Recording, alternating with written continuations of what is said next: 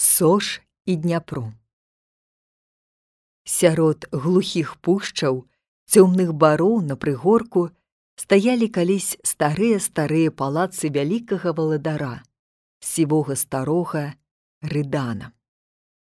З канца ў канец зямлі называлі рыдана багацеем з багацею, а над усім багацем славілася схаваная за дванаццаццю дзвярамі дванаццаццю замкамі залатая рыданова карона.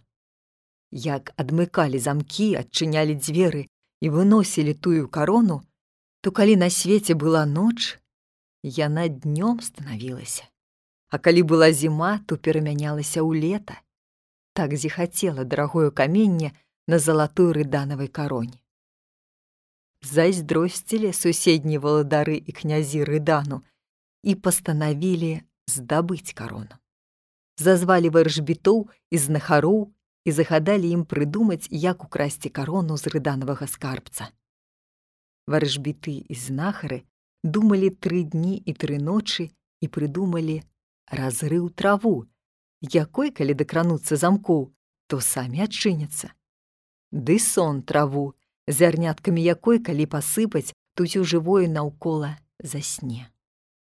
Прыдумаўшы гэта, паслалі злодзея ўкрасці залатую рыданаву карону. Тыя, прыйшоўшы пад харомы, сыпнулі сон зелле, і ўся варта паснула. Кранулі разрыў травой замкоў, і замкі паспадалі. Тады ўзялі яны залатую рыданаву карону і пайшлі назад.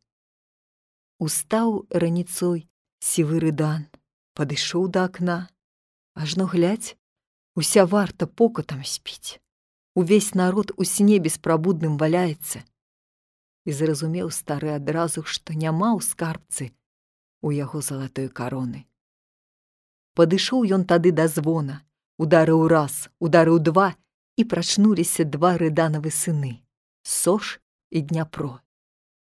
Павярнуў бацька да дняпра і кажа: « Вазьмі, сынок, сталёвую зброю, каваны меч і бяжы садамі, лугамі аж да скалістых гор, дагоніш цікунцоў з каронай.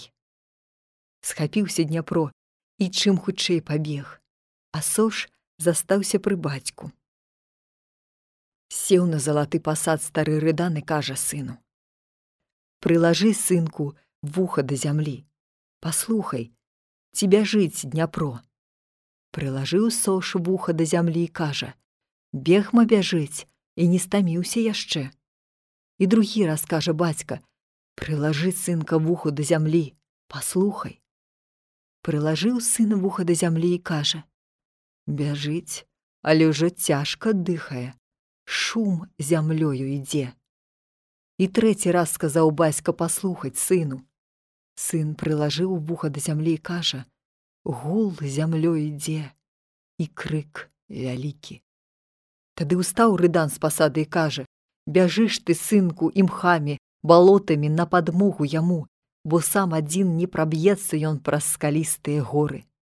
Пусціўся сош імхамі, балотамі на падмогу брату, а стары бацька застаўся чакаць сыноў. Доўга чакаў стары. Не дачакаўся. З маркоты вялікай пачаў плакаць. Бадай нам, дзеткі мае, слязамі разліцца. Ды ўлучыў ён такі момант, што сапраўды, разліліся слязамі браты і стары бацька. У рэкі усе трое змяніліся. Дняпро плыве садамі ды лугамі, сош імхамі ды балотамі, а рыдан у свет вочы.